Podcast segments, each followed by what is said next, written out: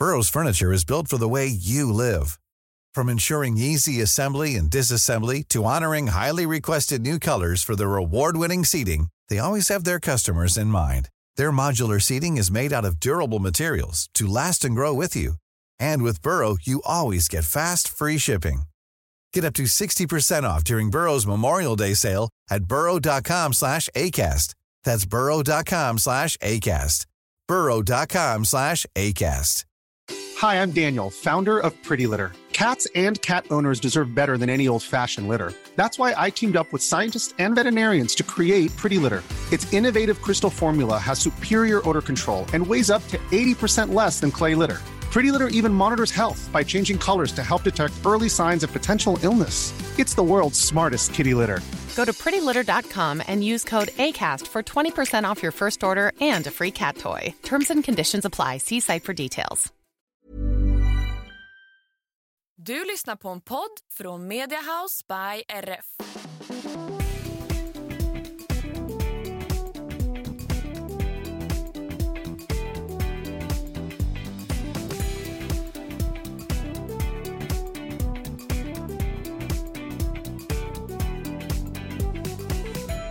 Hej allihopa och välkomna till systrarna Älvstrands hästpodd avsnitt 171. Tjenare, tjenare. Jag heter Anna. Och jag heter Emma och det här är podden om hästar och ridsport och vi själva har ju fyra stycken egna hästar och gillar att köta om ridsporten i stort och smått. Mhm.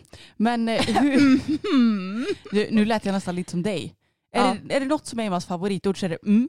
Ni ska bara veta hur mycket jag får ehm, anstränga mig själv för att inte säga mm i podden hela tiden. För då hade nog många slutat lyssna. Lite så. Men Mm. hur mår du då? Fan, nu sa jag mm. Hur mår du gumman? Jo men jag mår bra men det är återigen morgon när vi spelar in. Alltså varför har vi blivit sådana morgonpoddar Anna? Nej jag, jag vet inte. Alltså det roliga är att jag satt och sjöng upp lite i bilen på väg hit. Ja, jag har inte sagt ett ord innan du kom. Jo, jag har pratat lite grann med Siri. Och Siri hon var för övrigt i kattbråk för ett par dagar sedan. Eller ett par nätter sedan snarare. Och hon var halt efter det när hon kom in på morgonen. Så hon tyckte väldigt synd om sig själv. Och vi tyckte synd om henne också. Men nu är hon mycket bättre, skönt nog. Så hon har sovit med mig i natt och verkar må bra idag. Så då kan mitt kattmattehjärta slappna av lite grann. Ja men alltså det känns så orimligt att så små katter blir halta. Ja. Vi är ju så vana vid våra hästar som, ja men de är ju så stora djur. Jag menar fyra kilo som Siri väger respektive våra hästar som väger mellan ja men 530 och 700 Ja. någonting. Det, det är ju helt sjukt. Jag menar de är vi så vana vid att så här, kolla sten, hålla stenkoll på så att de inte ska halta och så kommer hon in och är halt. Man bara kan du skada dig? Alltså Ja. det känns typ orimligt. Jag vet, men det känns skönt att hon mår bra i alla fall. Ja. Och det känns också skönt att hästarna mår bra. Nu idag så spelar vi ju in några dagar i förväg igen, precis som förra veckan. Så att vi ska få vara lite lediga. Det passade bättre att spela in den här dagen när vi gör det. Och jag tror att både du och jag fortfarande är ganska så trötta efter den gångna helgen. Och för er som lyssnar så blir ju det, ja inte den helgen som har varit utan förra helgen som var. Ja men exakt typ en och en halv vecka sedan. Ja. Vad blir det? Mm. Exakt, ska vi dra lite vad vi hittade på då? Ja men det kan vi göra. Ja och jag kan börja med att dra mitt meeting. För jag var ju på meeting i Borås. Måste för övrigt varmt rekommendera Borås som tävlingsplats. Både om man ja, men bor över men också om man bara kommer dit endagars. För de har väldigt fina tävlingar, bra anläggning, trevlig personal. Jag kan inte klaga på någonting. Nej, och den här, du har ju en meetingvlogg också som ligger uppe på vår YouTube-kanal redan ifall ni vill spana in den. Exakt, då kan du ju se ritterna och lite så. Eh, ännu mer. Men jag och Samuel åkte i alla fall till Borås i ja, den lördagen då. Och det var väldigt mysigt. Det kändes lite konstigt att åka utan dig dock. Jag vet, jag brukar ju alltid vara med och det känns också konstigt att du och Fokus skulle iväg på ett helt meeting utan mig. Mm. Men jag var ju tvungen att vara kvar hemma för jag skulle dels jobba på våra ja, men ponny och eh, hästtävlingar i hoppning som vår klubb ordnade och sen skulle jag tävla med Pebban själv så jag var ju upptagen båda de här dagarna så det, det fanns tyvärr ingen möjlighet för mig att hänga med er. Nej men exakt och därför kändes det så skönt att jag hade ett meeting i ryggen. För att då behövde jag inte känna mig riktigt lika så här, stressad över hur eh, ska man lägga upp allt och vad behöver man ha med sig och allt sånt där. Nej, och i synnerhet att du var på samma ställe förra gången det var meeting så du vet hur det funkar på just det stället också. Ja men exakt och Samuel han är ju absolut ingen nybörjare heller utan han har ju, ja vi har ju varit ihop i snart tio år och han kan mycket om hästar så det kändes ändå, ja men det kändes rätt tryggt. Ja. Och jag sa det att dina uppgifter är egentligen att så här, ja men göra det jag ber honom om såklart. Gör det jag säger. Gör det jag säger för fan. Nej men jag, när jag bad honom att typ så här, sadla så gjorde han ju det och sådär. Ja. Men framförallt så vill jag att du säger regelbundet vad klockan är när jag rider på framridningen. Men då hade de ju en klocka vid framridningen så att jag hade liksom dubbel koll där. Det är typ det som jag vill ha. Annars så klarar jag mig ganska bra själv så. Men red ni fram ute? Mm, Och de hade, vi. de hade en klocka ute på framridningen eller? Ja de hade som en anslagstavla typ Ja. som de hade en klocka Ja på. men vad bra. Det var ju verkligen smart. För eh, oftast när man, det är ju det som man behöver ha koll på. Dressyren så här, att man, startar man 14.29, ja men då, då ska man ju vara på plats 14.29 annars så kan man ju bli utesluten liksom. Ja, i hoppningen behöver man ju mer ha koll på vilka som rider innan och vilket startnummer som ropas in till framhoppning och banan och allt vad det nu är. Ja och i hoppning så lotsas man ju oftast av antingen speaker eller någon personal. Ja. I dressyren så är man ofta lite lämnad själv liksom. Japp. Och det är ingen som ropar in dig på framridning och det är ingen som ropar bort dig till banan och sådär. Men i alla fall, vi kom fram på lördagen och ja men då hade jag knoppat och gjort i ordning honom hemma för jag tänkte att ja men vi behöver inte vara där längre än onödan. Längre i onödan menar jag. Utan eh, så kort tid som möjligt för att ja, han trivs ju bäst hemma såklart. Vilken häst gör inte det tänkte jag säga. så han var knoppad och klar och vi installerade honom i boxen och rullade ut alla saker. Vårt nya sadelskåp bland annat som jag är så himla glad över. Det rymmer verkligen så mycket grejer och ja, men det kändes så behändigt att kunna ha alla grejer på plats liksom på tävlingen. Och sen så gjorde vi ordning honom för start och jag hade planerat typ att, ja men som vi brukar rida fram, så här, 35 minuter. Och när jag kom in på banan så tyckte jag att han var så pigg.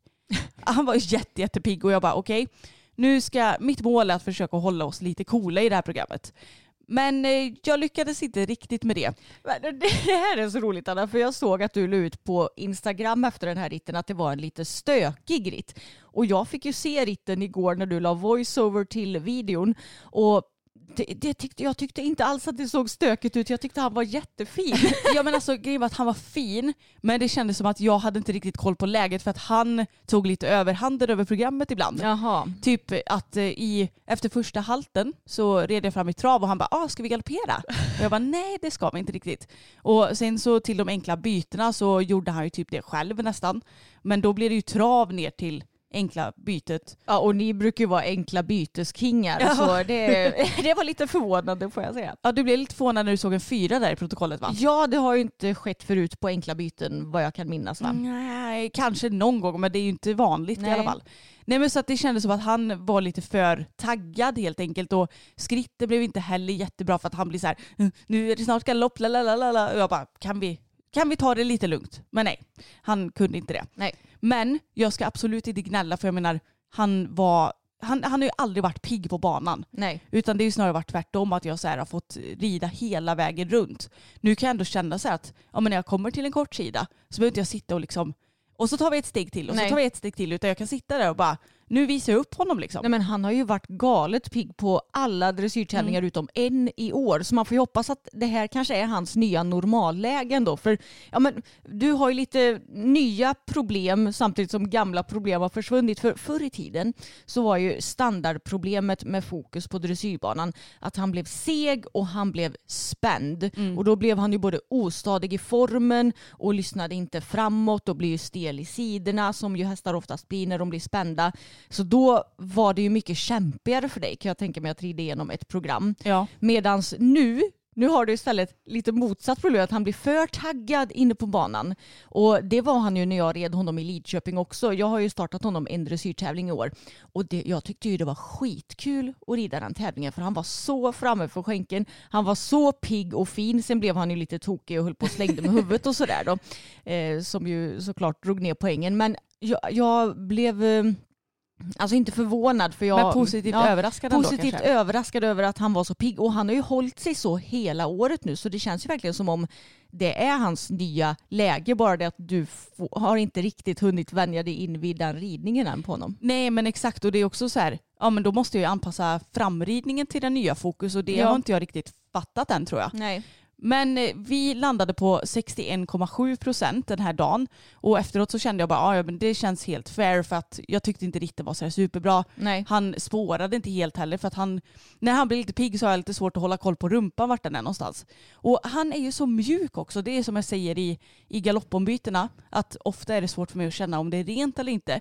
Det är lite likadant med spårningen. Ja. Att jag kan ha lite svårt att känna när han är rak och inte. Mm. För att han är så lurig, han liksom bara, ja men oj plopp, där kom lilla vänster bak ut lite grann. Ja. Och det jag menar med en häst, eh, när en häst spårar är att den trampar i, ja men om ni tänker att den häst går i sanden, att Mm. den trampar i med bakbenen i frambenens spår liksom. Ja. I det lilla märket som blir i sanden. Ja. För de som inte har koll, eh, så då kände jag ändå att det kändes helt fine så. Jag måste tillägga att jag tycker att det var väldigt snåla poäng.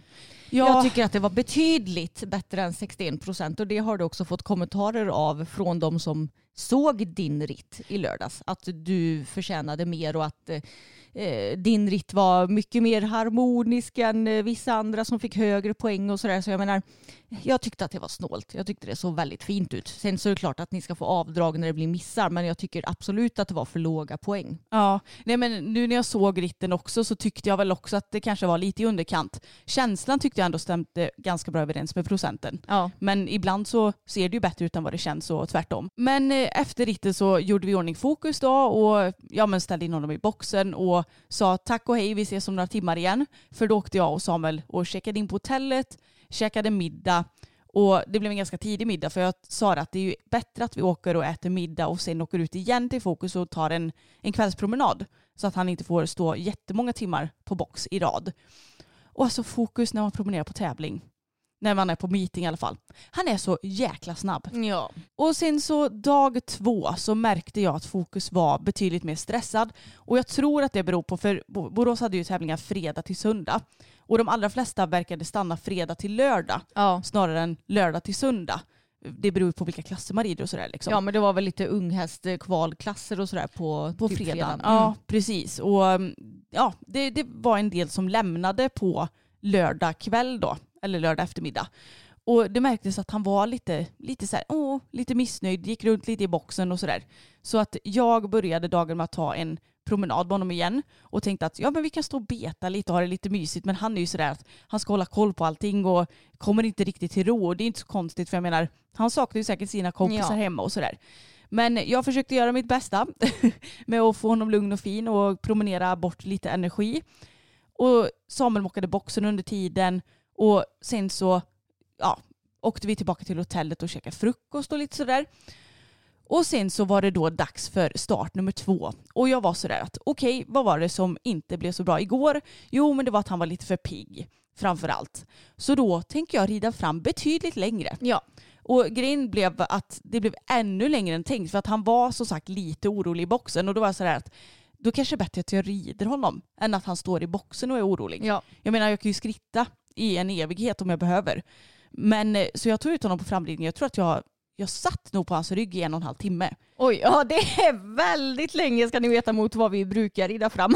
Och då ska ju tilläggas att jag skrittade ju typ en halvtimme först ja, ja. Men åh, hade givetvis skrittpauser. jag bara nu kör vi fokus. Ja precis. Nej men eh, det var mitt bästa beslut den helgen. För att han var, han var så jobbig till en början på framridningen.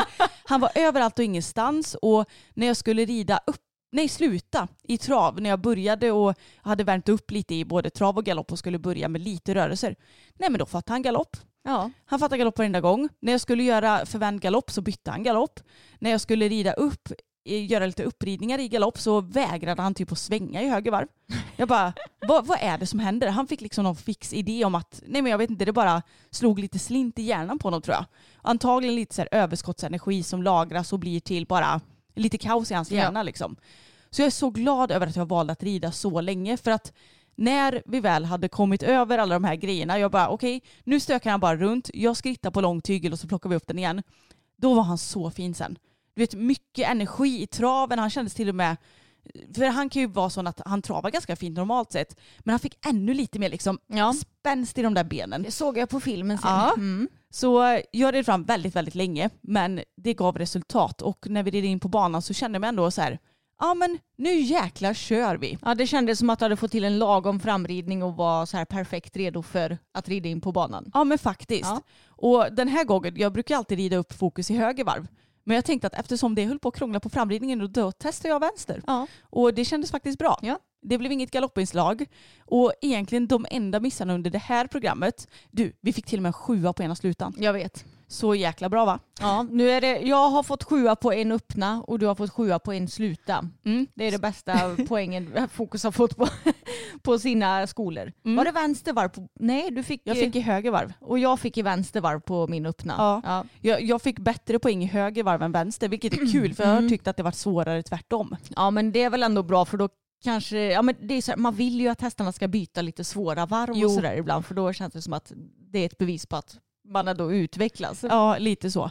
Så jag red med ritt och det känns som att egentligen det enda stora missen som hände det var att han bytte efter den ökade galoppen precis innan vi skulle rida upp på medlinjen och avsluta vårt program. Och sen så var han lite för taggad i skritten igen. Ja. Men jag kände bara att jag har faktiskt gjort allt. Eh, även om jag kanske kan hitta något sätt att rida skritten på så att han inte börjar takta. Ja. Det är ju det som är problemet. Men jag försöker verkligen så här, slappna av i magen, Mm. ta ut alla möjliga sorters liksom, drivande hjälper från kroppen på honom. Mm. Samtidigt som jag inte sitter där och överlämnar honom givetvis. Men Nej. verkligen bara så här, var som en degklump. Ja, för man får ju inte spänna magen eller någon kroppsdel för då tror hästen att det är en övergång på G och i fokusfall då ja, men antingen trav eller galopp. Ja. Men du kanske ska eh, lite tänka tvärtom. Att du, ja, men så, så, du ska ju fortfarande sitta som en degklump och försöka gunga med i skrittakten tänker jag. Men att du kanske ändå ska hålla lite, ja men redan i den, eh, nu ska vi se, vad blir det, trav? Nej, just det, det är ryggning först innan Mm. det är skritten. Att du direkt efter det håller ganska mycket med skänken mot hans sida. Ja. Så att den ligger där bara och då blir det inte så stor om du skulle råka typ nudda honom lite med Mm. skänken. Nej, det är sant. Du kan ju prova i alla fall att göra lite tvärtom för nu har han ju, skritten har ju varit det som kanske varit sämst egentligen på hans program det senaste. Eftersom Ja. han har blivit så taggad. Ja, och jag skulle precis säga att innan han blev så här taggad, då var ju skritten alltid bra nästan. Ja. Vi fick ju nästan alltid sjuor på hela skrittdelen liksom. ja. Så att det är, ju, det är ju en biverkning som kommer av att han har blivit lite mer pigg helt enkelt. Yes. Så det är liksom ingen, ingen big deal så. Och jag var så jäkla nöjd när jag red ut från banan. Jag kände att jag har fasen ridit hela vägen runt idag. Det tyckte jag inte riktigt att jag gjorde på lördagen. Nej men det syntes att du planerade så Mm. himla bra. Du kom ut jättefint i hörnerna, gjorde bra övergångar. Ja men du, du red ett riktigt bra, korrekt program skulle jag säga. Mm. Och det här landade på 63 procent. Mm. Mm. Jag är så arg igen. Du sa när du hade sett ritten, det här är patetiskt. Ja. Nej men alltså vet ni vad? Jag är faktiskt så jävla less. För att jag, jag är så tudelad i det här. Jag förstår varför eh, man kommenterar en hästs tunga. För att de kan ju omöjligt veta att vi liksom har kollat upp fokus, han har gjort så här hela sitt liv antagligen. Han har inget fel på munnen, han har inte ont utan det är bara det han gör. Ja. De kan ju omöjligt veta det att ah, men där kommer fokus, ja ja men då kan vi strunta i vart han har sin tunga någonstans. Och så kanske kommer in en annan häst som eh, ja men ryttaren kanske inte har kollat upp den, den kanske har ont. Ja men du vet, det, det kan ju omöjligt domarna veta. Men det tar ju ändå inte från hur tråkigt det är att, bli neddömd. Nej. Det är så jäkla tråkigt och domaren skrev det typ att ja men trevlig häst med fina kvaliteter men poängen dras ner på grund av tungan typ. Ja.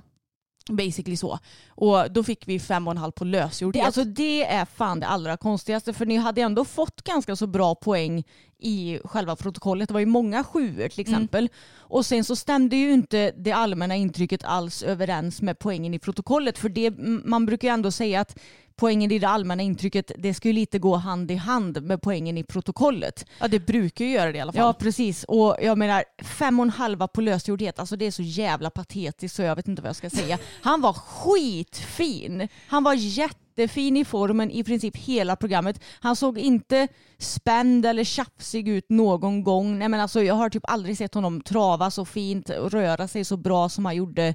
Eh, han hade en bra kontakt till munnen. Ibland så kan han ju bli lite så här, när han blir lite stark och så, då kan han ju gapa och kanske bli lite sånt och då förstår jag att man får avdrag.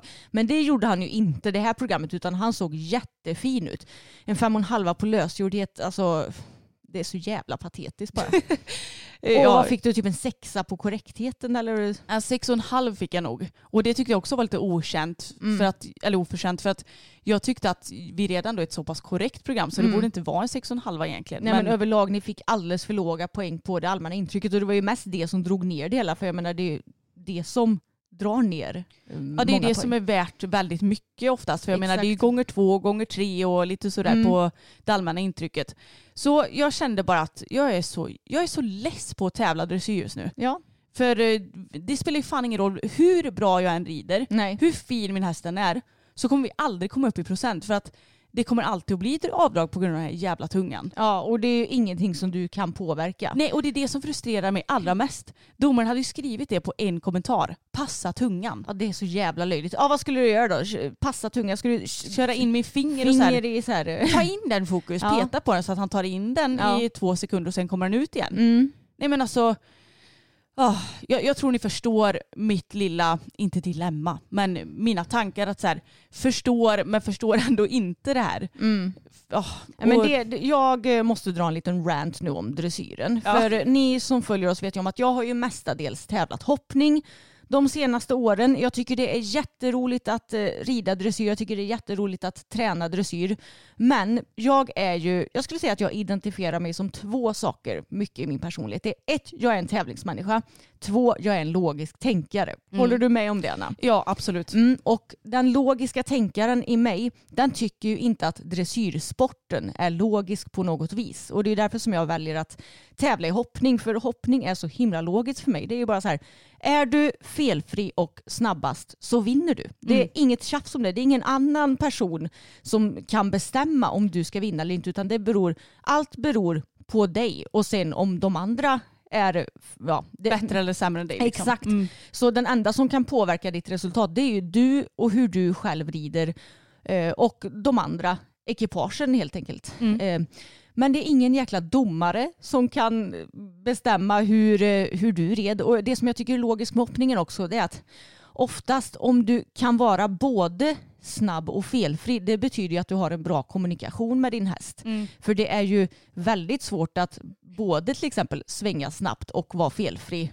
om du inte har det. Det är ju bara att titta på de bästa och snabbaste ekipagen i världen, typ Henrik von Eckermann, Ben Maher, Peder Fredriksson med flera. Det är inte så att de rid, att det ser hafsigt ut. Nej och det är inte så att de krigar mot sin häst liksom, utan de Nej. krigar ju tillsammans med sin häst. Ja men exakt och också att banbyggare de är ju så medvetna om eh, hur de bygger banorna för att det ska mm, främja en god ridning och sådär. Så jag tycker att hoppningen är logisk i det allra mesta och därför så tycker jag också det är mycket roligare att tävla i hoppning. Mm. Dressyr däremot, det är inte logiskt för fem öre. För där, alltså som du säger, oavsett hur bra du rider, oavsett hur bra fokus går, så är det ju inte du som bestämmer hur, alltså vilket resultat ni ska få. Och det är ju helt ologiskt. Och jag tycker att dressyr är ännu mer ologisk på lägre nivå när det bara är en domare som Ja. bestämmer. Ja det är, ju, det är ju det som är grejen också. Att när det är en domare så blir det ju verkligen bara vad en person tycker och Exakt. tänker. Men har man tre stycken, ja ibland har man ju sett att det skiljer sig nästan 10% Ja. mellan Och jag domarna. menar, det är ju också ett bevis på hur ologisk dressyrsporten Ja. är. Och jag menar, jag har tävlat dressyr i så många år. Jag har sett så många dressyrstarter. Jag har varit domarsekreterare så många gånger för så många olika domare. och har då kunnat konstatera att det finns ingen logik. Alltså jag, det finns ingen logik i bedömningen. Jag Nej. har inte hittat någon i alla fall. Försök motbevisa mig. Ni kommer inte kunna göra det för jag tycker inte det finns någon logik i det hela. Nej men jag håller med och jag har ju också suttit och skrivit för många olika domare i många olika klasser dessutom. Allt från liksom enklaste klasserna till lite svårare klasser. Ja. Och jag tyckte att det var så eh, konstigt när jag satt och skrev att det var så här oh wow det här var riktigt bra, sju. Ja. Och sen så var det någon annan gång, ja men det, det var ju ganska bra men det blev en liten miss i övergången eller säg Ja. något sånt, sju. ja, exakt. Och jag bara, men va, va, va? Det kan ju inte vara både asbra och liten miss och få sju. Nej, jag vet. Då, då ska det ju vara att du, den här hästen går för en tia men så blir det en liten snubbling i avbrottet Ja. så då får det bli sju. Ja. Fattar du vad jag menar? Ja, men alltså jag tycker som sagt inte att det finns någon logik i det hela. Nej. Eh, och det, det är ju så himla mycket eget tycke och, Och smak, smak. bara. Mm. Och, och det, så är det ju med bedömningssporter och därför så tycker jag ju inte att bedömningssporter är logiska.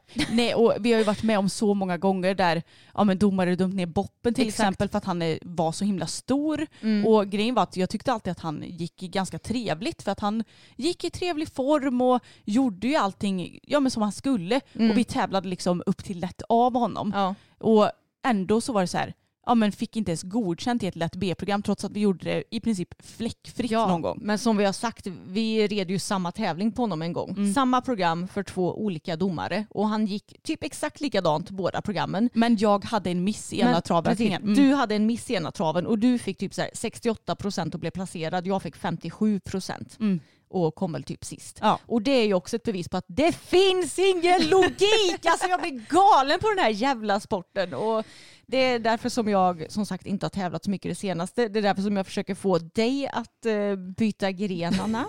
Konvertera. att eh, konvertera och bli hoppryttare. Mm. Ja, nej men alltså just nu känner jag mig otroligt less och jag vet inte när jag kommer starta fokus i dressyr igen. Nej, ja, eh, som sagt. Vi, vi kör på hoppningen istället. Ja, men alltså jag kommer att fokusera på det ett tag. Ja. Och jag är så här, får jag suga efter att tävla dressyr, ja men då gör jag väl det då. Men samtidigt så känns det så onödigt att lägga, lägga tid, lägga pengar på de här tävlingsstarterna, åka Mm. till tävlingsplatsen, lägga energi på det och så till ingen nytta. Ja. Och grejen är att ni som följer oss, ni vet ju också om att det är inte så att vi går in på en tävling och bara ja men alltså vinner inte jag så är inte jag nöjd. Det är ju absolut inte det det handlar om. Nej. Men jag vill för fan ha någon chans att bli placerad. Ja men alltså man, i synnerhet när dina, ursäkta mig nu, men när dina ritter är så mycket bättre än andra som blir placerade högre än dig. Alltså det kan jag säga objektivt. ja, kan du verkligen det? Ja, nej jag är ju subjektiv men hallå jag har ju ögon att kolla med. Och det... ja men jag rantar loss här för jag blir så jävla trött på den Ja. här skitsporten. Ja, men jag, tycker är jag tycker inte det är förtjänt för varken mig eller Fokus. Nej det är det inte. Och som vi har sagt förut att ja, men det här med att hans tunga bara hänger där. Det är ju så många hästar som gör likadant bara att de har fått någon fix idé och att tandläkare och veterinärer ser samma sak hela tiden. Det behöver inte vara något fel på hästen. Han har jättefin kontakt med bettet och så ska det ändå vara någonting som ja, du Som är världens issue. Ja, och jag vet att du pratade med, med någon annan ryttare på tävlingen som också hade någon häst som la ut tungan vid Ja. sidan. Men han sa ju att när jag rider med kandar, då har hästen tungan i munnen. Mm. Mm, och är det bättre då, tänker jag, att hästen, när hästen har kandar, jag, jag vet inte, den kanske inte känner att den har möjlighet att ha ute tungan trots att den egentligen vill det. Och då får den bättre betalt än att den har sin tunga där ute för att den vill det. Alltså fattar du vad jag menar? Jag tycker bara, det, det blir ju helt, ja, det blir så jävla konstigt bara. Ja men grejen är att det hade typ varit lite intressant att prova kandar på Fokus bara för att. Men jag hatar ju att rida med kandar Mm. Ja. och är inget fan av det huvudlaget överlag Nej. som ni ju vet. Så att det är liksom inget alternativ för mig om det nu hade funkat. Liksom. Att bara, Nej. ah, men han tar in tungan. För att jag, jag sitter inte på den här hästen för att jag vill lösa hans problem med tungan. Utan det, det är liksom ett icke-problem för mig. Ja. Men för alla andra personer i hela världen förutom typ du och min familj så är det ett problem. Ja. Det, jag vet inte hur många gånger jag har fått frågan har du provat det här transet? Har du provat det här bettet? Har du provat kandar? Har du provat med snokrem? Har du provat med remontnosgrimma? Ja. Du har inte provat det, att linda bettet med latex? Du har inte provat att eh, byta tyglar? Du har inte provat att be till Gud? Typ. Alltså, jag vet inte vad folk tänker att jag ska göra. Nej. För jag menar, det, det är, han är ett djur. Han gör det här för att han vill det. Ja. Och det går inte att stoppa liksom. Nej, Och precis. nu är jag så jävla less på det här så att jag kommer skita i att tävla dressyr ett tag. Ja. Och på tal om det här och det som vi har tagit upp i tidigare poddavsnitt när vi skämtade om att vi, vi borde fixa en merch med fokus tunga så hade Nina på Media House by RF som har tagit fram vår eh, tidigare design till eh, vår merch. Hon bara, jag lyssnade på ert poddavsnitt och var tvungen att ta fram en liten bild. Och då står det, då är det en bild på fokus när han är ute tungan och så står det tungtips undanbedes. Vi måste lägga ut den här bilden, den Ja. är så söt. Vi kan lägga ut den i vår story. Ja, den, är, den är on point tycker jag. Exakt. Framtida design? Frågetecken. Ja, ni Mm. får eh, kommentera vad ni tycker. Ja, verkligen. Så nu kommer vi sadla om till hoppning Mm. förhoppningsvis. Och det tycker jag låter himla bra. Men det här var ju också, ska jag tillägga, andra omgången av division 1 och jag var ju så här efter förra tävlingen att ja, men jag hoppas ändå att vi ska kunna räknas med i laget nästa gång. Men Mm. det gjorde vi ju då inte Nej. eftersom att ja, vi inte fick så himla bra poäng. Men laget kom i alla fall tvåa den här omgången. Med väldigt lite marginal upp till första plats. Du, det var någon som, jag tror att det var en poäng. Ja, sånt är ju alltid lika segt. Det, det är lite segt såklart men eh, jag har så duktiga lagmedlemmar Ja. och jag kommer inte åka med till sista omgången för att jag Nej. kände bara att som sagt det är ingen idé. Jag kan ju fan rida baklänges och få bättre procent än vad jag fått känns det som ibland. Så att eh, de får faktiskt klara sig utan mig vilket de gör utmärkt. Mm. Så jag kommer hålla tummarna stenhårt för att tjejerna tar hem vinsten. Det hade varit så kul. Det får vi göra. Men det, ja, alltså, bara en liten mer dressyrrant. För som sagt, vi har ju varit domarsekreterare många gånger. Och något som eh, jag vet att vissa domare har sagt nu när jag har skrivit, eh, det är ju att, ja men, eh, säg att eh, ja, men det är någon eh, ryttare som de kanske får ge lite lägre poäng till. Då säger de ju att ja, men man ska ändå få dem att vilja fortsätta tävla. Ja, Mm, fast det är ju domarna som gör att du inte vill fortsätta tävla. ja 100 Så, procent. Jag menar det är också, it doesn't make sense. Mm, lite så. Och det känns också så jävla tråkigt det här att, men gud nu håller min morgonröst på och ballar ur här. Det känns lite tråkigt för att jag tycker att vi har kommit så långt. Ja, Och som, det var så kul för att det var en, en kompis på tävlingen som startade samtidigt och hon red två klasser och sa att det var så tittigt i ridhuset. Min häst, han reagerade inte på någonting. nej. Utan det var bara första dagen som han tittade lite på ett block som stod i ena hörnet som jag fick ta en extra volt. Och sen var det ingenting. Nej. Jag menar med tanke på hur tittig och spänd och eh, seg han har varit inne på banan så har vi blivit så jävla mycket bättre. Ja. Men jag känner också att ja, men det är ju ändå ett mål som vi har uppnått. Mm. Oavsett vad så kommer vi... Fan jag blir nästan lite ledsen för att jag blir så jävla frustrerad. ja, jag vet. Det, jag är också frustrerad men jag är bara så jävla arg. Jo men det är ju typ jag med, det är därför Mm. jag gråter. Men det känns liksom så jävla gött att vi har kommit hit. Mm. Och ändå så blir vi liksom inte placerade trots att vi är så jävla mycket bättre nu Mm. än vad vi någonsin har varit. Jag vet. Ni Det känns så är, jävla oförtjänt alltså. ja, ja, ni är så värda det för att ni är så grymma på banan. Och han är så himla fin och du rider så bra. Tack. Och man kan ju aldrig liksom påverka vilka som rider samtidigt som en såklart. Nej. Det, jag har ju inte kollat på alla som har ridit mina klasser såklart för hur skulle jag hinna med det? Och det kommer alltid vara folk som är bättre än en och kanske får bättre poäng och jada jada. Men att vi liksom inte är i närheten av topplacering när vi är Så bra som det är nu. Ja, nu kanske jag låter oödmjuk. men jag tycker det faktiskt. Mm, det är ni. Och tänk vad många fina kommentarer vi får på våra sociala medier också. Ja. Det, det är så många som håller med om att det här är oförtjänt Anna. Som tycker att fokus har blivit så fin och att du rider så bra och att det ser så fint ut. De som sitter i verkligheten också att de tycker att dina poäng är alldeles för ja, låga och Mm. oförtjänta. Ja, och jag måste säga det också för jag la ut ett Instagram-inlägg om meetinget. Och jag fick så mycket kommentarer och jag är så, alltså jag är så glad över våra fina följare. Det tar jag inte för givet kan jag säga. Nej. Så det betyder så mycket för oss båda. Ja. Ni är världsbäst. ja, det är så gulligt.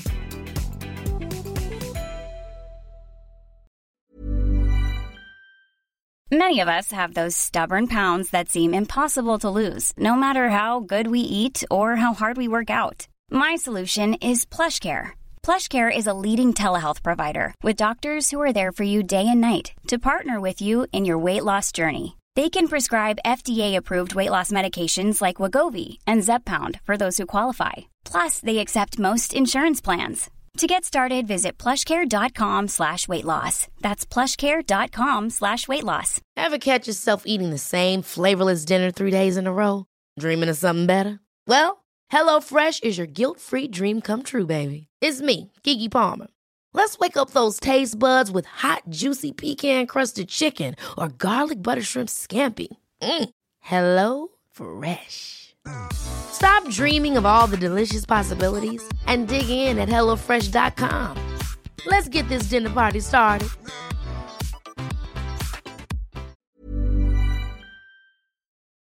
Jag och Pebban tävlade ju också helgen som var och då var vi på hemmaplan i Vara och hon skulle gå sina första vuxenstarter i hoppning och den här eh, vloggen finns ju också ute på Youtube ifall ni vill in och kika.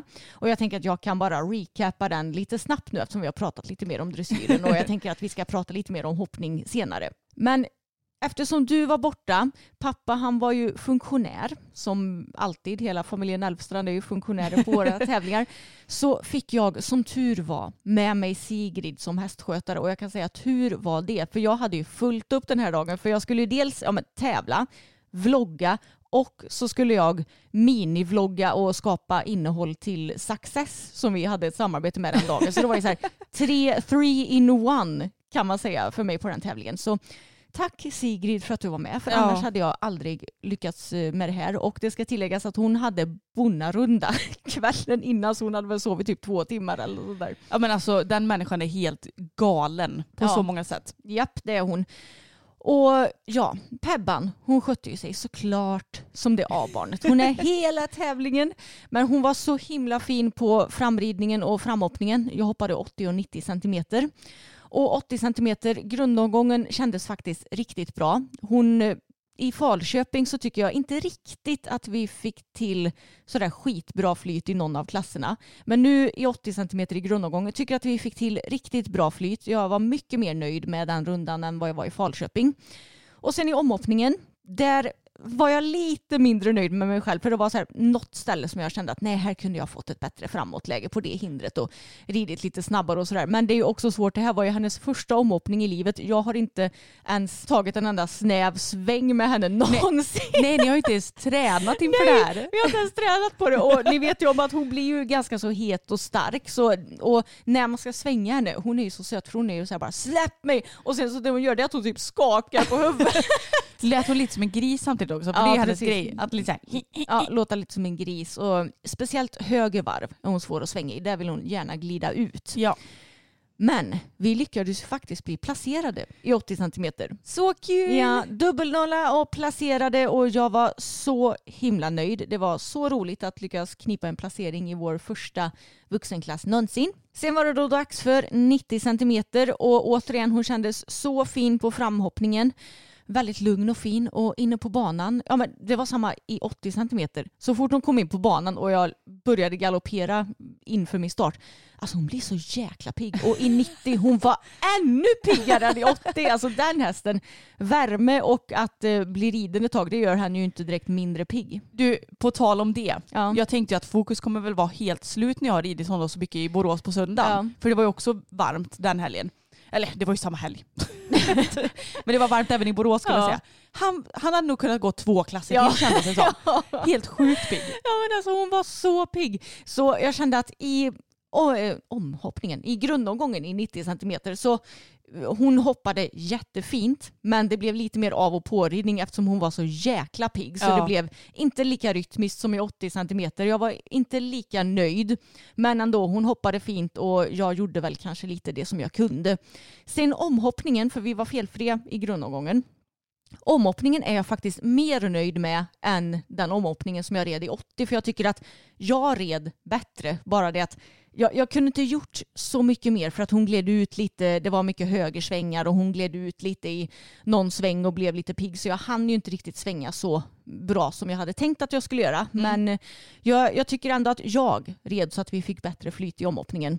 Men tyvärr så var konkurrensen lite för hård i den här klassen så vi hamnade första utanför placering och det var ju typ så här, vad blir det, 0,3 sekunder eller något sånt där ifrån Ja. placering. Det är lite som att hamna en halv poäng utanför i dressyren. Ja. Det, det är verkligen så på håret. Ja men exakt, men så är det i hoppningen. Det är ofta små marginaler och i första klassen så hade vi marginalerna på vår sida och i andra klassen inte. Så det är klart, lite besviken var ju tävlingsmänniskan i mig över det. Men samtidigt, hoppningen är en logisk sport och vi var inte tillräckligt snabba i den här klassen så jag accepterade det hela och var väldigt nöjd med min fina häst som hade skött sig så himla bra precis som vanligt och kunde inte blivit en bättre första vuxentävling för henne. Nej alltså två dubbelnollor. Det är Ja. inte illa. Nej, men alltså det ska ju mycket till för att den hästen ska riva. Ja, det känns ju som det i alla fall. Ja, men hon, är, hon hoppar så fint och är underbar. Och ni vet ju om att jag har haft lite problem med min balans, att det främst är det som jag känner att jag behöver bli bättre på. Och jag tycker att balansen kändes bättre på den här tävlingen än vad den gjorde i Falköping. Mm. Och sen så ska vi ju snacka lite också om när vi var och hoppade på öppen bana, Anna tänker jag. Ja. Och jag tänker att jag kan bara fortsätta prata lite om Pebban. För då tänkte jag till när vi var och hoppade på öppen bana, vilket vi gjorde två dagar efter tävlingen. För vår ridklubb hade sparat eh, framme ett gäng hinder från hopptävlingen så att vi hade öppen bana hela förra veckan. Och då tänkte vi att då åker vi dit med alla hästarna. Helt perfekt. Och det som jag testade då med Pebban det var att länga stiglädren ett hål Mm. i hoppsadeln. Och med Bella så har jag fått korta lädren i ett hål för att få optimal balans och har insett nu att jag har nog ridit med lite för korta läder på Pebban för hon och Bella är ju två helt olika hästar. Jag rider i olika sadlar. De hoppar på väldigt olika sätt och jag insåg nog både på senaste hoppträningen och hopptävlingen att när jag har så korta läder som jag hade, det blir att jag kniper lite mer med knäna då. Jag har svårt för att, vad ska man säga, variera från lätt sits till att komma ner mjukt i sadeln. Ja. Och då testade jag att nu ska jag prova att länga lädren. Ifall det inte funkar är det bara att korta dem igen. Men jag tycker faktiskt att jag fick ännu bättre balans. ja, men jag tror att man behöver lite hitta det där gyllene läget på stiglädren. Ja. För jag tänker lite också att Pebban hoppar ju betydligt mer med ryggen och är mycket mer liksom explosiv än vad Bella är. Ja. Och därför behöver du kanske inte komma riktigt lika högt upp i sadeln för att då blir det att ja, men du blir lite som en kanonkula. Liksom. Du behöver Mm. ha lite mer närkontakt inom citationstecken med henne. Ja. Medan Bella som hoppar lite långsammare och lite liksom, alltså, sämre inom citationstecken, då behöver du kanske komma upp lite mer för att inte störa henne Ja. för mycket. Jag vet inte. Nej. Men eh, någonting är det ju. Ja, men jag tyckte att det blev mycket bättre för när jag längde så hade jag lättare för att trampa fram och ner skänken och komma ut med knäna. Mm. Det är ju mitt eh, grundproblem att jag är så förbannat kobent. Ja. Så de där skänklarna de flaxar ju och har sig och jag har jättesvårt för att få ett tramp. Jag har ju också, gick ju på tå när jag var liten så jag har ju korta hälsenor och allmänt kort tillbaka. Och nu har jag slarvat med eh, yogan och stretchningen det senaste också. Det gör inte saken bättre. Men jag tycker faktiskt att jag fick betydligt bättre balans den här gången. Det Mm. tyckte du och Filippa också. Ja, Eh, verkligen. Filippa var med och fotade oss. Eh, Så det känns skönt. Nu har jag fått ännu en aha-upplevelse och jag vet vad jag behöver göra. Jag vet att jag behöver försöka få den där jäkla skänken framåt, nedtrampad. Att jag ska vara kvar med handen och överlivet framme längre än vad jag är bekväm med. Och jag har börjat att implementera det här men det kommer ju ta såklart lite längre tid. Ja, som med allt annat som Ja. man börjar lära om sig. Men vi hoppar ändå en bana på mellan 95 och 105 centimeter och det är ju säkerligen den högsta banan tror jag som vi har hoppat sedan vi köpte henne. Ja men det tror jag nog. Det måste det vara. Så då, jag, jag känner ändå att med tanke på att jag hade sådana problem att ens ta mig över en typ 90 centimeter också här hemma för någon månad sedan så har det ändå gått framåt. Verkligen. Ja. Ja, jag tycker ni är jätteduktiga. ja men hon är ju underbar. Och hon var så mycket lugnare också nu än på tävlingen så då blev det ju hela lite lättare också. Ja, men jag tror att hon är en häst som kommer behöva hoppa mycket faktiskt. Ja, För att hålla lugnet. För att hon är ju väldigt eh, hoppinriktad och tycker Mm. det är väldigt kul. ja det tycker hon. Så då behöver man nog liksom rasta hopphjärtat lite igen. Ja, hon är underbar. Men vi började ju hoppa henne själv Mm. och sen så åkte vi dit med Bella och Fokus. Och Anna, du hade ju inte hoppat Fokus på ett tag innan det här va? Nej, alltså jag tror det var en eh, tre, fyra veckor sedan kanske. Ja, så- Eh, jättelänge sedan. Så du var ju lite nervös. Nej, det var jag Nej, inte. du var inte det? Jag var inte nervös. Nej. Men jag hade inställningen att det får gå som det går. Ja, just det. Vilket jag tror var väldigt bra. Ja, För att det- det slog ju alla förväntningar någonsin. ja, ni var så duktiga. Men alltså, han var en sån stjärna. Och jag började bara lite med att jag bad, för pappa hjälpte oss också. Filippa, Filippa. Filippa och pappa var med oss. Så jag bad pappa lägga ut en enskild bom som jag bara kunde galoppera över några gånger för att han skulle så här, ja men man känner av läget lite hur han är på bommen, hur hoppas att det kommer vara oftast. Och han var jättefin på den. Och så hoppade vi fram på ett litet kryss och det kändes hur bra som helst. Och sen så gjorde vi ju som så när vi hade hoppat fram på några få hinder i taget så hoppade vi en liten bana. Och vad kunde den ha legat på?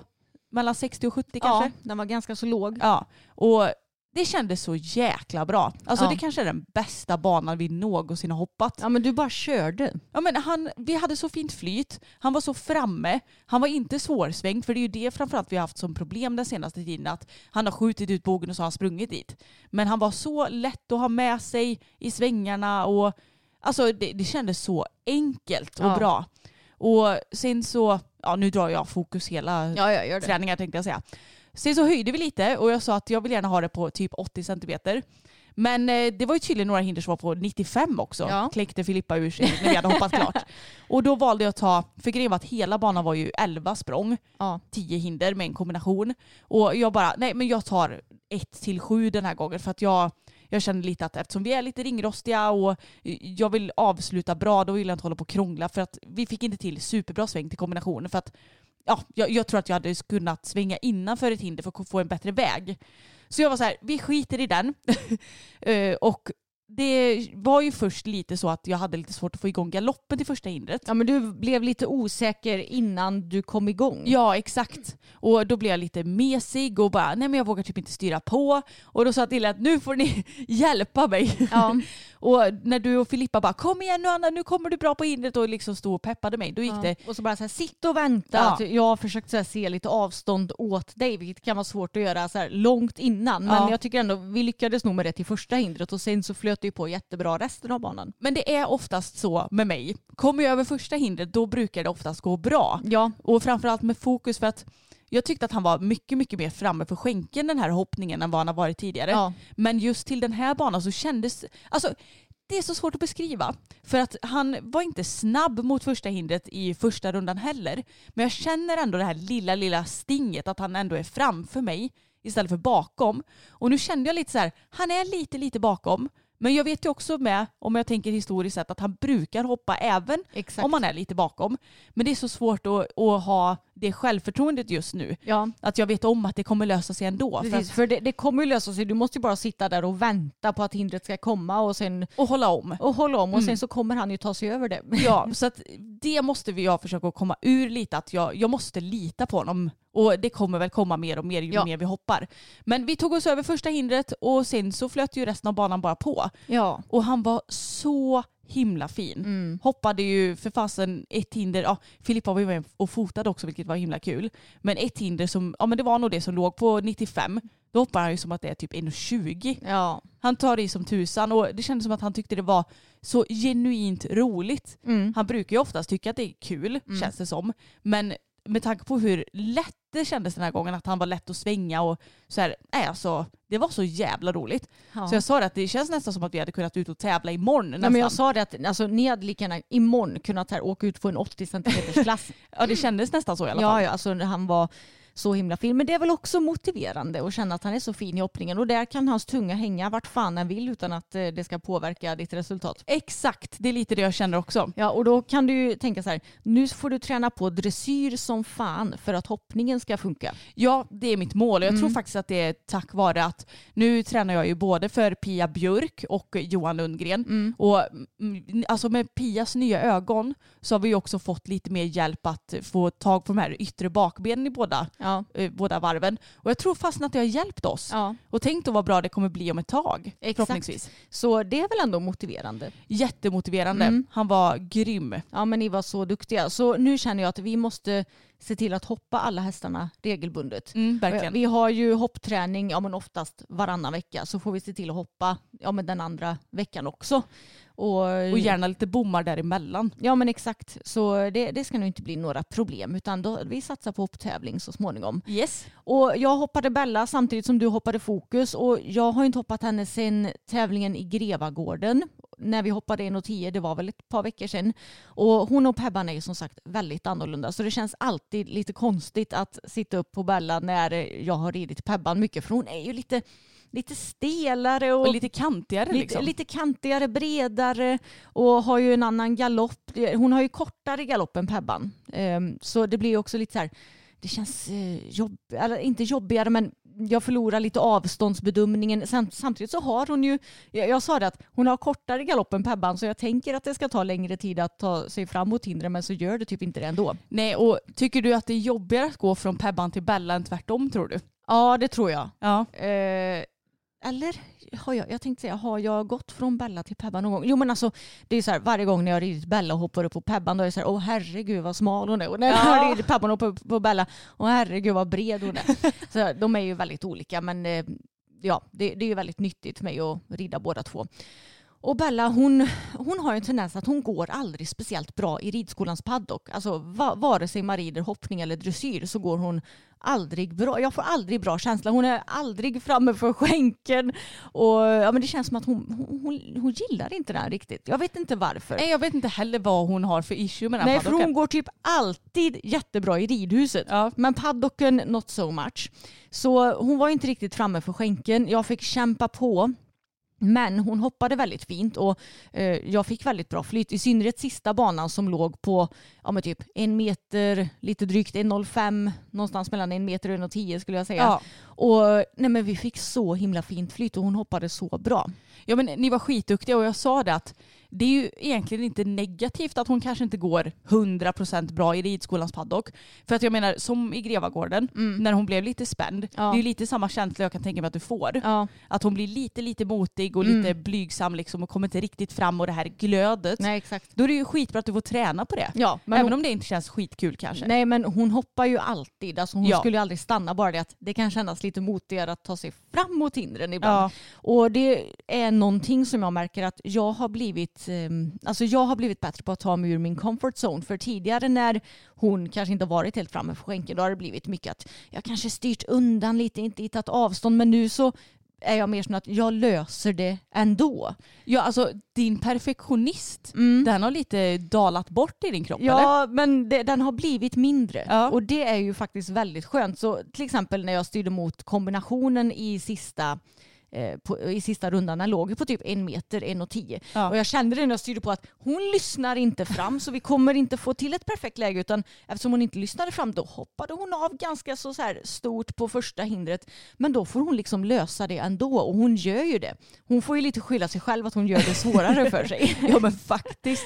Ja, Och men- det var ju nästan kombinationen som hon hoppade bäst Ja, på. exakt.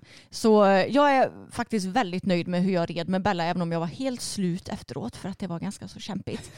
Men eh, nej, hon, hon är ju rolig och speciell, min lilla häst. Och jag såg också att eh, vi har haft henne i fem år nu. Ja, jag såg det med. Mm, Gud, jag glömmer lite av alla datum för det är så mycket så här i maj med Ja, hästarnas vet. födelsedagar och när vi köpte in dem och sådär. Mm. 16 maj hade vi haft henne i fem år. Mm. Min lilla tjej. Så nu är ju nästa tävling med henne i Falköping.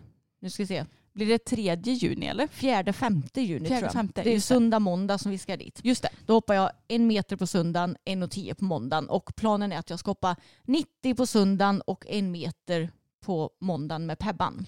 Yes. Eh, och det känns ju ändå som att vi, jag har ju varit så här, undrar om vi kommer vara redo för en meter med Pebban. Ja, tills dess då, eftersom jag har ju haft lite bekymmer och sådär. Men det känns ändå som om det borde nog gå. För med tanke på att vi hoppade en bana på, ja men den var ju mellan 95 och 105 centimeter den här gången och det kändes så pass bra så jag, jag tror nog att vi ska klara det faktiskt. Det tror jag också för jag menar rent krasst så brukar ju en meterbana det är ju mellan 95 och en meter. Ja precis, det är ju inte alla Så- hinder som är maxade. Nej, och det kanske är något som ligger på 1,05 men det brukar ju sällan vara på, i så här låga klasser. Ja, nej så, Så- det, det känns ändå eh, positivt och kul. Det, det, tjejerna är väldigt roliga att hoppa nu får jag säga. Ja och fokus också, i alla fall den här gången. Jag hoppas att det här håller i sig nu. Ja precis och jag sa det att Anna kan jag få hoppa Pebban fram till den här tävlingen så kan du få göra det efter det för jag känner jag behöver all eh, rutin jag kan ha på henne om jag ska lyckas debutera. Ja men det är väl klart. Bra. Och det är också det här som är lite kul för vi får ju ofta frågor bara Jaha är Pebban Emmas eller är den hästen Annas? Det blir ju lite så mm, att folk frågar och grejen är att vi delar ju på hästarna fast Bella är ju din egentligen. Ja, Eh, Men det är ju och fokus är väl mest min för han vill Jo. ju inte hoppa med dig. nej. Så, så därför så blir det ju inte riktigt att du kan hoppa honom. nej. Men sen så är det ju också så, typ som med Pebban nu som vi ändå har köpt båda två. Vi vill ju rida henne båda två men det kommer också inte vara hållbart att så här, ja, men hoppa henne varannan gång. Att vi liksom delar 50-50 på henne. För att då kommer det ju ta mycket längre tid för oss att komma framåt. Jag tänker att det är bättre att du har en liten intensiv period med henne nu och så kan jag ta över lite sen. Och sen kan, alltså att man byts av lite. Ja och du red ju henne mer inför er dressyrtävling till exempel. Precis. Så det går ju i perioder. Exakt.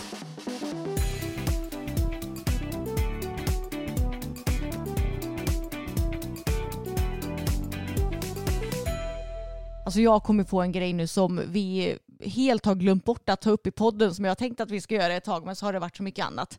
Och det är att jag vill varna för ett företag som marknadsför sig mycket på Facebook, på Instagram och det är Bright Swimwear. Precis, ett eh, svenskt företag som säljer badkläder Ja. som är jättefina. Det var ju därför vi föll för dem. För att Mm. de är väldigt så här, färgglada, söta badkläder och vi tänkte perfekt, vi behöver ju nya badkläder inför vår resa. Precis, så vi beställde för ja, 2600 kronor. Vi beställde massa för vi tänkte att det är ju bara att skicka tillbaks om det inte passar.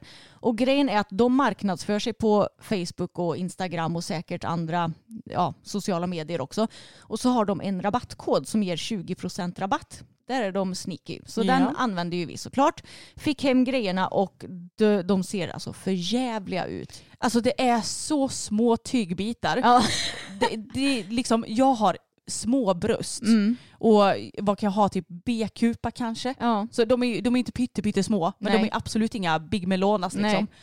Liksom. Alltså mina pattar fick knappt plats i de här små, små bikiniöverdelarna. Nej. Det satt liksom, du vet när det blir så här att tutten hänger ut underifrån och, och si, åt sidorna så här. Ja, och trots att vi beställde i XL dessutom. Ja, alltså det var de minsta jag sett i Ja, mitt och liv. bikiniunderdelarna täckte knappt snippan. Nej. Liksom, så jag menar, nej, då, då kände vi att vi skickar tillbaka rubbet. Och vi hade inte ens öppnat alla förpackningar för vi hade beställt många i samma modell. Ja. Så vi hade ju tagit någon i varje modell och testat. Så vi kanske öppnade säg, tre stycken förpackningar av Ja. tio eller vad fan det kunde vara.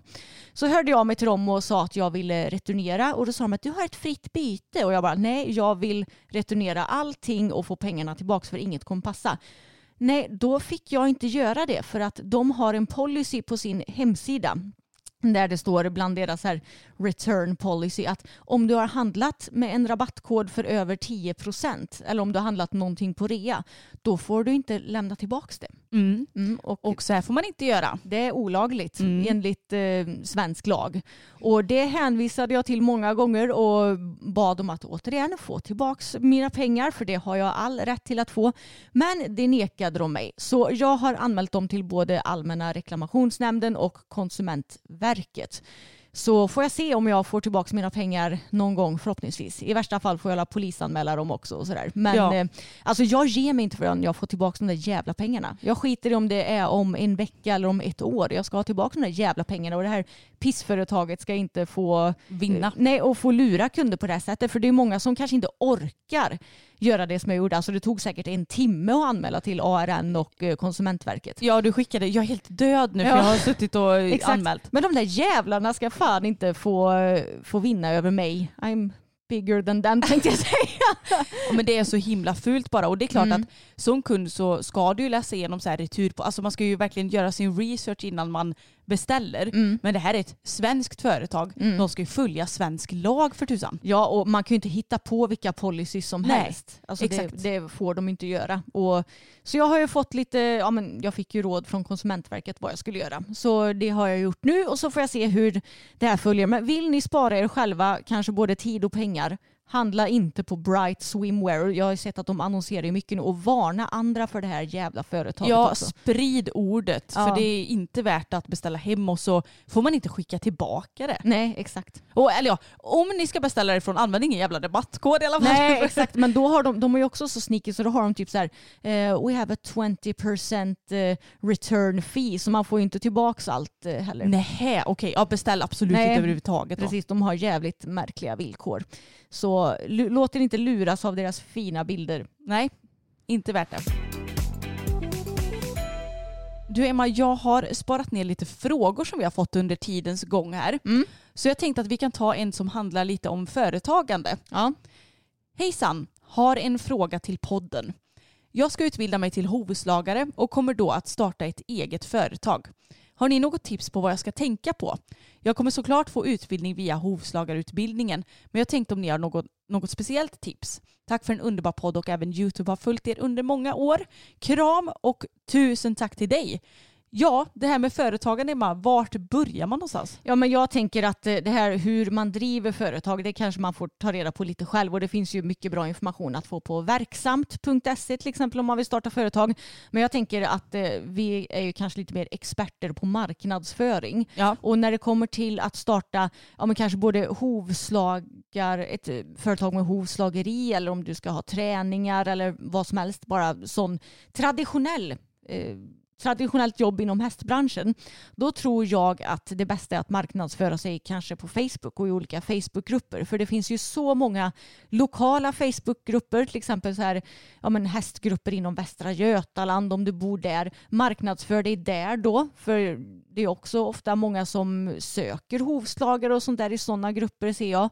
Så eh, det skulle jag satsa på om jag var du. Ja, men det tycker jag låter smart. Och det finns ju som sagt mycket information på verksamt.se. Men det finns ju olika företag också. Enskild firma var ju det som du startade upp från början när vi bara hade typ så här inackorderingar och pinjams och sånt där. Och det funkar ju utmärkt att ha om du inte har någon anställd eller sådär. Ja. Och sen så finns det också handelsbolag. Det har jag dålig koll på. ja, men det är väl om man är flera stycken. Okej, Det så ju- mer som en enskild firma. Ja, För fast- man lägger inte in någon så här aktiestart eller vad säger man? Nej, aktiekapital. Mm. Nej. Och aktiebolag har ju vi och Mm. då får man ju lägga, eh, heter det aktie... Men snälla Ja, någon. men kan, man får ju lägga in ett startkapital. Ja men precis. Jag bara vad heter det? Ja. Och sen så har ju vi anställda i företaget och det blir ju lite dyrare att ha AB väl?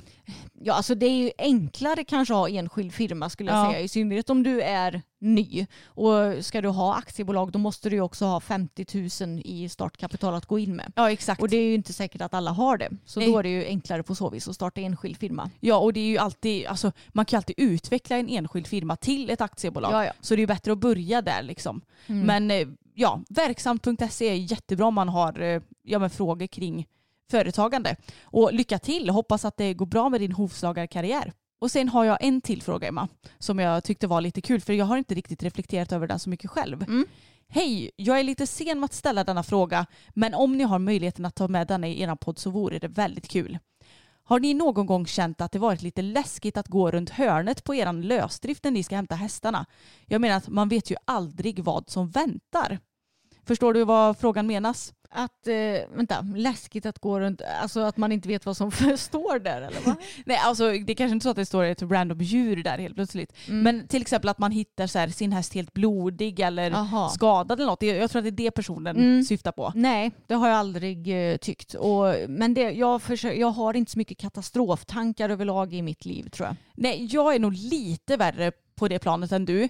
Men ändå så är det inte riktigt sådana katastroftankar jag har. Nej. Och grejen är att det har ju hänt så här att jag har kommit ut i hagen och så bara kommer fokus med helt blodig mule så här och jag bara vad i Och sen är det helvete? blod på så här lösdriftsväggarna för att han har kletat av sig. Ja, exakt. Så att ibland så får man ju en liten chock. Men jag tänker också att vi skulle må så dåligt om vi går runt och bara åh, tänk om de står där med brutet ben. Ja, det gick bra idag också. Ja, jag vet. Eh, Så att vi försöker liksom inte att tänka så. Nej. Och jag tänker att egentligen är det ju lika läskigt att gå till boxen på morgonen som det är att gå runt hörnet på lösdriften. Mm. För att jag menar de kan ju lyckas skada sig inomhus också, eller inne i boxen så.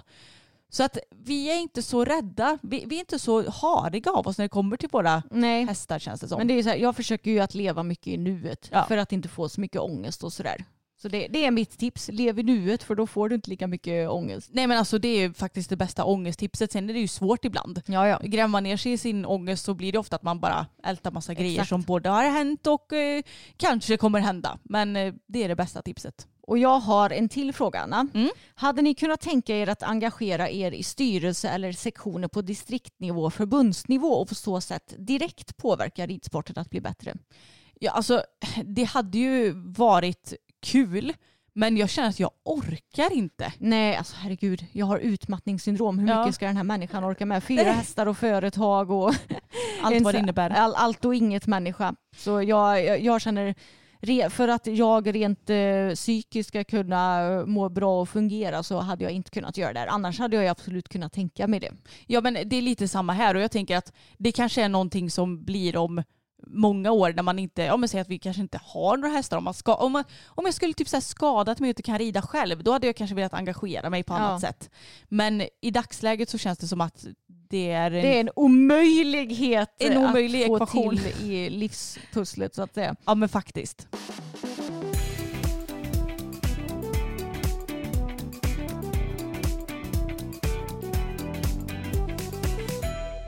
Och jag tänkte ta och läsa upp en artikel som tidningen Ridsport har släppt som heter Riktlinjer för lättridning på tävling kan förekomma.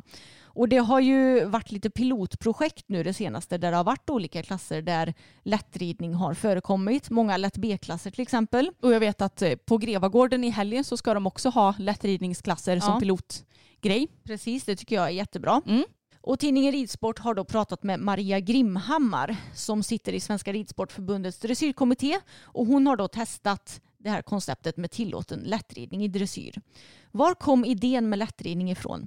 Det var i samband med att vi fick in förslag inför arbetet med TR i fjol. Cirka 25 procent av förslagen innehöll önskemål om att tillåta lättridning i travprogrammet.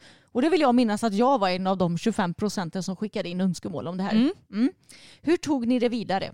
Under hösten var det fem klubbar som provade detta som pilotprojekt och både domare och ryttare fick skriva i en enkät efteråt. Vilka vill tävla i lättridningsklasser? Det finns framförallt två grupper. Dels ryttare som rider yngre hästar eller hästar som är lite spända och som upplever att hästarna blir mer avspända vid lättridning. Dels de som inte är så vana vid att tävla som uppger att de inte skulle våga tävla om de var tvungna att sitta ner under hela programmet. Vad säger domarna om detta? Vi hade i viss mån handplockat domare till de första piloterna och det handlar delvis om ett nytt tänk samtidigt som vi ska komma ihåg att fälttävlansdomarna bedömer lättridning i högre grad i lätta klasser. Nu sitter förbundets domargrupp och tar fram riktlinjer för hur man ska bedöma lättridning. De jobbar med frågeställningar som vad det gör för poängen om man sitter ner på fel sittben exempelvis så blir detta en skarp tävlingsform till nästa TR 2025. Det hoppas vi och jag uppmanar arrangörer att redan nu höra av sig till- förbundet om de vill testa eller om de har någon annan idé om förnyelse. Det är viktigt att hitta sätt att uppmuntra nya grupper att tävla.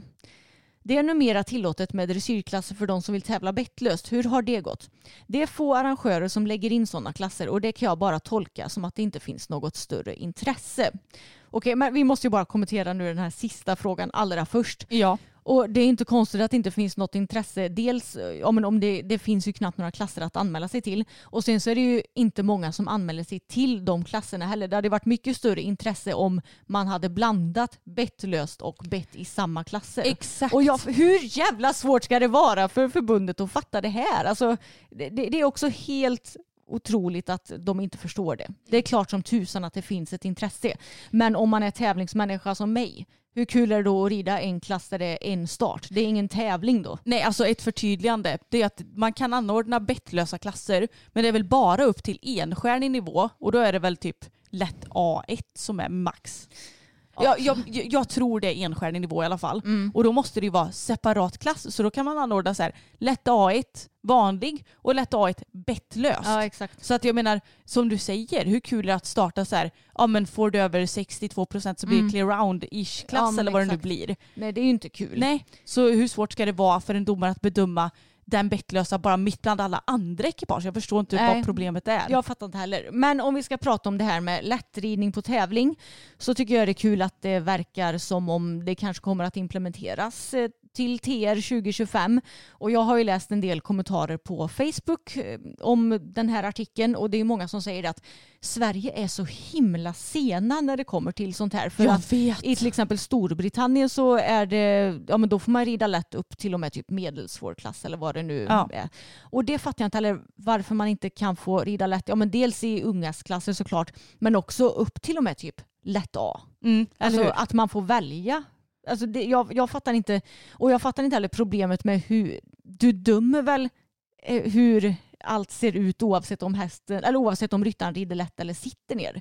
Ja, och sen så förstår jag att det, det är klart att en ryttare som lutar sig extremt mycket framåt kanske ska få avdrag för sin sits till exempel. Ja, Men jag menar det gäller ju oavsett om du sitter ner eller inte. ja. ja. Och det är samma sak så här, att de ska sitta på rätt sittben. Ja, men det är väl inte heller något konstigt. Nej, Det är ju inte så att det är svårt att kolla lite snabbt vilket sittben ryttaren nej sitter på. exakt. Så för mig så känns det som ett icke-problem. Och Mm. jag tycker också det känns som att det här gud, det borde väl ha blivit liksom Ja. tillåtet för länge, länge sedan. Ja, och jag tror att det skulle få så många mer att våga tävla dressyr. Gud ja. Eh, och hästar som är jobbiga att sitta på till exempel. Hur kul är det att känna att man studsar runt ett helt program på Nej. dem till exempel? Det är ju inte schysst mot varken ryttaren Nej. eller hästen. Exakt, och då är det väl mycket bättre att både ryttaren och hästen får en positiv upplevelse av tävling. Samma med eh, ja, om du har en häst som kanske blir lite blyg på banan, inte riktigt går fram. Det är mycket lättare att få hästen att gå fram om du får rida lätt, för då blir det ingen spänning i dig själv som ryttare heller på samma sätt. Nej exakt, och jag, jag tänker att i början när jag tävlade fokus, när vi precis hade fått honom, jag hade gärna ridit lätt då. Ja. För han blev ju väldigt, väldigt spänd. Och då hade det säkert kunnat hjälpa honom att slappna av en liten, liten smula till. Ja men exakt, så jag ser ju bara positivt på det här med att man ska få rida lätt och känner att hur kan det ha kunnat dröja så länge och också när det kommer till typ så här ja, men Ridsportförbundet och de som bestämmer grejer att det känns som att de verkligen letar problem ibland. ja. ja. Att de ska göra allt så mycket svårare mot vad det är. Ja, men de, de har ju lite på sig sina pessimistglasögon Ja. och liksom, ja, problemglasögonen. Men då undrar jag ju lite så här, det ska ju bli spännande att se, jag vet inte om de har gått ut med någon info om det, men om det nu blir en grej att vi får rida lätt från och med 2025, kommer det bli så separata lättridningsklasser då? precis. Ja, det... För- För det är ju så det är nu, men det är ju för att det är ett pilotprojekt och Ja. det fattar jag liksom. Jo. Men jag undrar om man kommer så här få välja upp till och med en viss nivå. Ja, och det tycker jag att man ska få göra. För så, om jag har förstått det rätt, är det i många andra länder. Ja, så, att det spelar ingen roll om du rider lätt B1 så får du välja och så får folk sitta ner om de vill eller rida lätt om de vill. ja, men jag tror Ja. det. Jag hoppas ju att det blir så för annars så känns det ju lite som det här med bettlösa klasser att då kommer det Mm. kanske rinna ut i sanden för det kanske blir ett par tre starter Ja. i varje klass. Exakt så, ja. Som sagt, jag fattar inte grejen med varför vissa saker ska ses på som så stora problem. Nej, inte jag heller. När det kommer till ja, det här med bedömning och allt vad det nu är. Ja, och regler. Mm, och regler ja. Ja men då ska vi ta och runda av för den här gången och den här veckan tänkte jag för övrigt att jag ska sätta igång Tage lite igen. Mm. Så får vi se lite hur gammal man känns och känns det inte bra så kommer vi boka en tid för veterinären men han har ju sett väldigt fräsch ut den senaste tiden i alla fall och ja men ibland så är det väl så att hästar behöver lite vila för att ja men det är någonting tjafs i kroppen liksom. ja. I synnerhet när man är 23 år kanske. Ja, världens bästa lilla gubbe. Ja, hoppas att ni har gillat det här avsnittet även om det blev lite rant ibland Ja. av eh, arga mig. Ja, och jag, jag är faktiskt lite både ledsen och arg på det här. Mm. Och därav lite tårar idag. Men Mm. jag mår egentligen bra. Det är bara att ja, ni förstår frustrationen liksom. Ja, ja, exakt. När, när det finns någonting som du inte kan påverka över. Ja, och ni har kämpat så jävla länge liksom. ja jag vet. Så det är lite segt, men eh, det är vad det är. Nu börjar eh, Resan mot hoppning. Ja, projekt hoppning 2023. Och Anna Anna, sadlar om. Anna sadlar om och du sa också ja, efter förra hoppträningen att det känns inte så långt till division 2 hoppning med Bella heller. Nej, faktiskt inte. Nej. Det kändes skitbra. Jag är så taggad! Oj. Oj, Siri reagerar på att du blev så glad. Hon ligger här på sängen och chillar. Jag är så sjukt taggad och vi har ju faktiskt planerat att åka ut på ett eh, meeting med tjejerna. Och då sa jag att då kanske du vill rida Bella i någon eller ett par klasser Anna. Ja, jag ska se bara vad de har för klasser på Mm. det meetinget. Så vi får planera det lite närmare. Ja, men eh, det kommer ju definitivt bli... Jag, jag skulle ju gissa på att du kommer hopptävla både Bella och Fokus i sommar. Ja, jag hoppas det. Jag har Mm. faktiskt kollat lite på hoppklasser nu med Ja, det fokus. Och det finns tyvärr ingen passande tävling så att jag tror att det kommer bli typ först i augusti. Ja, ja, men då har du ju tid att träna. Precis, alltså bara för att det känns bra nu så behöver man ju inte förhasta sig ut på första bästa tävling heller. Nej. Men jag har kikat lite bara för skojs skull och det verkar inte vara något passande liksom. Så då vet ni planen framöver. Jajamän, och glöm inte bort att prenumerera på... Säger man prenumerera på podden? Ja. Ja, eller följa. Ja, följa podden om ni gillar våra avsnitt så missar ni ingenting.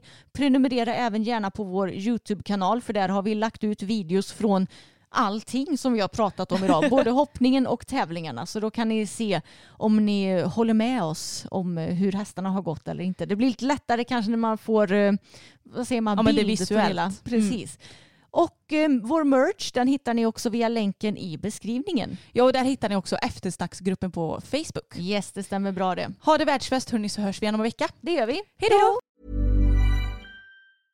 Ever catch yourself eating the same flavorless dinner three days in a row?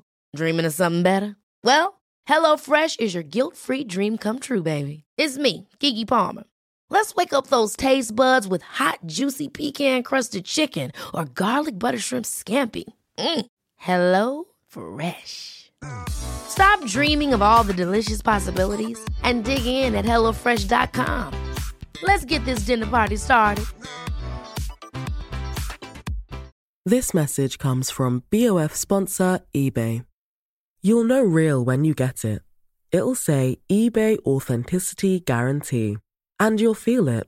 Maybe it's a head turning handbag, a watch that says it all, jewelry that makes you look like the gem, or sneakers and streetwear so fresh every step feels fly. eBay gets it. So look for the blue check mark next to that thing you love and be confident that every inch, stitch, sole, and logo is checked by experts. With eBay Authenticity Guarantee, you can trust that feeling of real is always in reach. Ensure your next purchase is the real deal. Visit eBay.com for terms.